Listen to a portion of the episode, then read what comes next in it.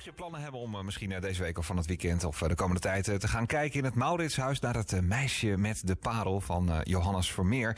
Um, uit ongeveer 1665, 1667 met een waarde, ik heb het even opgezocht hier, van 7,8 miljoen euro. Er hangt natuurlijk nog veel meer, maar het meisje met de parel is natuurlijk wel de eye-catcher daar van het Mauritshuis. Um, awareness, want uh, als je daar zomaar op de Bonnefoy naartoe gaat, kan het zomaar gebeuren. En ik had dat vanmiddag, dat je er gewoon niet binnenkomt. Dat heeft uh, niet uh, te maken met het feit dat ik daar niet welkom ben, maar dat het gewoon echt bommetje vol zit.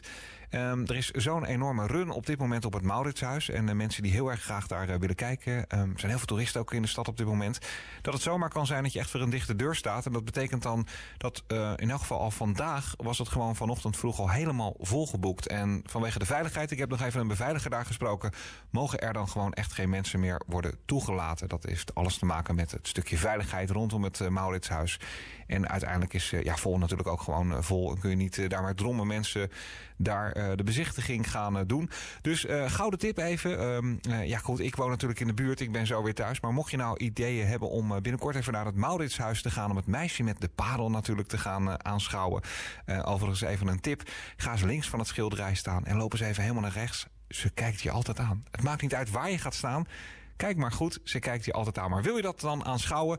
Bel of uh, mail even met het Mauritshuis. Kijk even op de website en reserveer. Want het kan zomaar zijn dat je echt voor een dichte deur staat. Tot 11 uur vanavond. Dossier Mastenbroek op Den Haag FM.